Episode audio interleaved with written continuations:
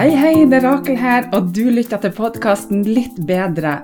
Og her får du motivasjon og inspirasjon til et litt bedre liv hver dag.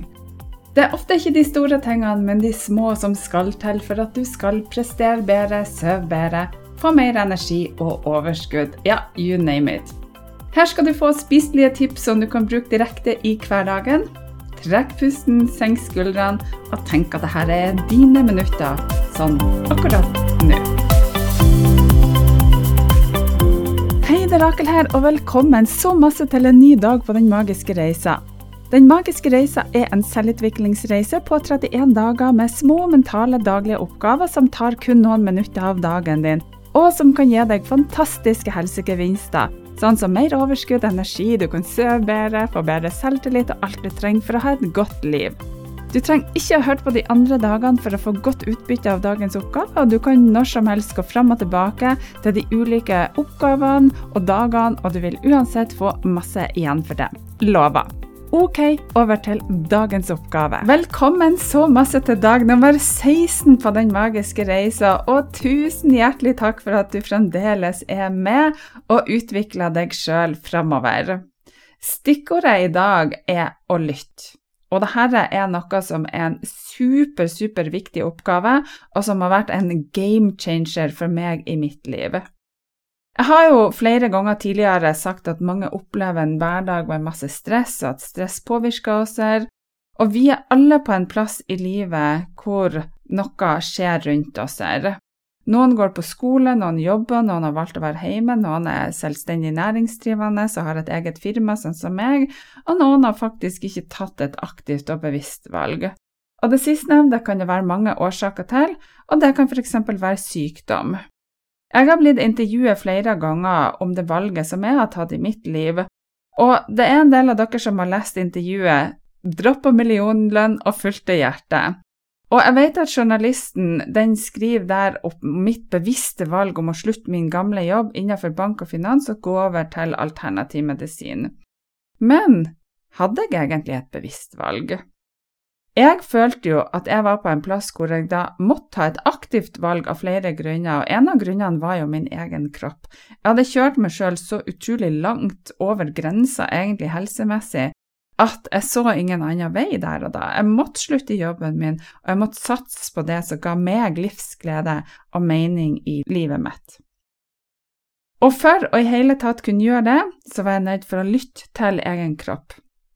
For det at min kropp hadde i mange år, mange, mange år fortalt meg og gitt meg beskjed når jeg jobba for mye, når jeg var sliten, når jeg hadde fått for lite søvn og når det var for masse stress.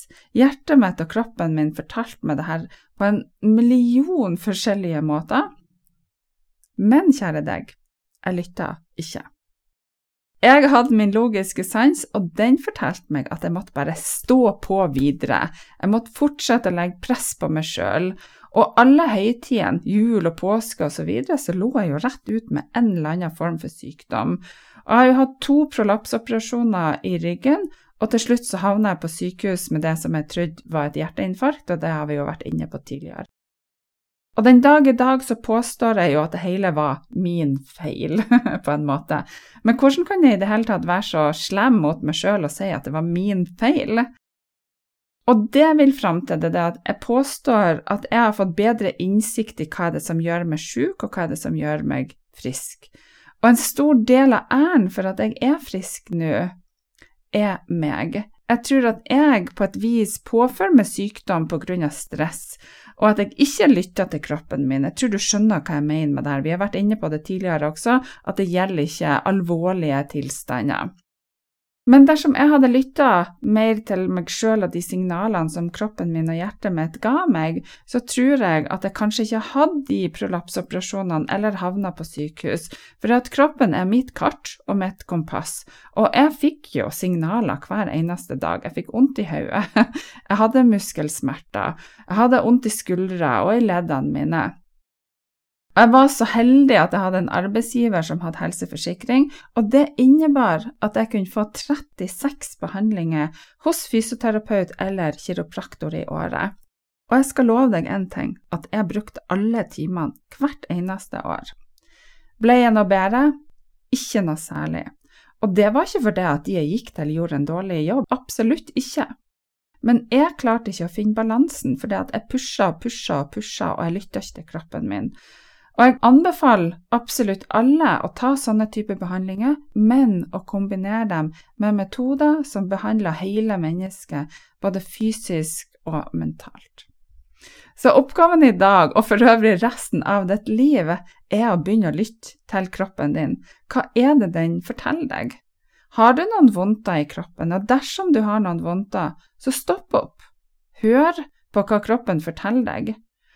Og vi har fire hovedgrunnpilarer som er avgjørende for å ha et godt liv, og det er punkt nummer én mentaltrening, punkt nummer to fysisk trening, punkt nummer tre kosthold og punkt nummer fire søvn. Så dersom du ikke har det bra, så er det nok én av de her fire elementene som er off. Og da vil jeg anbefale deg å finne ut av det med en gang. Altså i dag, ikke i morgen eller neste uke, men i dag. Kanskje så har du sovet dårlig, eller at du har deg noen dårlige søvnrutiner sånn at du våkner opp, eller at du ikke får sove så fort som du ønsker på kvelden. Kanskje er det at du må få på plass dette her for å bli bedre igjen, at du må jobbe med det. Kanskje du må kutte ut kaffen etter lunsj. Eller kanskje du ikke spiser helt sånn som din kropp at du trenger å spise. Kanskje må du gjøre noen endringer med akkurat det, og det har vært en game changer for min del igjen, det at jeg har en del ting som min kropp ikke tåler så godt, fordi at jeg har irritabel tarm, og det gjør at jeg reagerer på veldig mye. Eksempel når jeg skal spille en podkast, så kan jeg ikke spise rett før jeg spiller inn, av at da styrer magen min helt hinsides, og det er masse, masse lyder i magen min. Eller jeg merker det med at jeg blir sliten, jeg sover ikke bra, jeg fant ut at jeg tåler ikke så godt havre og gluten og hvetemel, masse sånne ting, så du må finne ut hva det er din kropp reagerer på, hva er det du ikke tåler, sånn at du blir bedre og ikke blir så sliten. Og kanskje er du med på veldig masse forskjellige ting, kanskje du er et utprega ja-menneske som har lyst til å være med på alt. Og av og til så må man også si nei til de hyggelige tingene dersom det går utover din egen energi og ditt overskudd. Og jeg hadde en lang periode i 2009 hvor jeg måtte hvile meg i form. Jeg kunne ikke trene så mye som jeg skulle. Jeg måtte kutte ut alkoholen min fra hverdagen min. Jeg var nødt til å si nei også til masse hyggelige ting som jeg hadde lyst til å være med på, men jeg var nødt for å bruke tida på å meditere, jeg måtte bruke tida på meg sjøl og være i meg sjøl for å hente opp overskudd og energi i min kropp. Det var ikke alltid så lett, og mange var liksom 'kom igjen, Rakel, det har nå ikke noe å si'. Men jo, det hadde noe å si, for jeg var nødt for å bygge opp mitt overskudd. Så mitt mantra fra meg til deg, kjære deg, er lytt til kroppen din, lytt til hjertet ditt.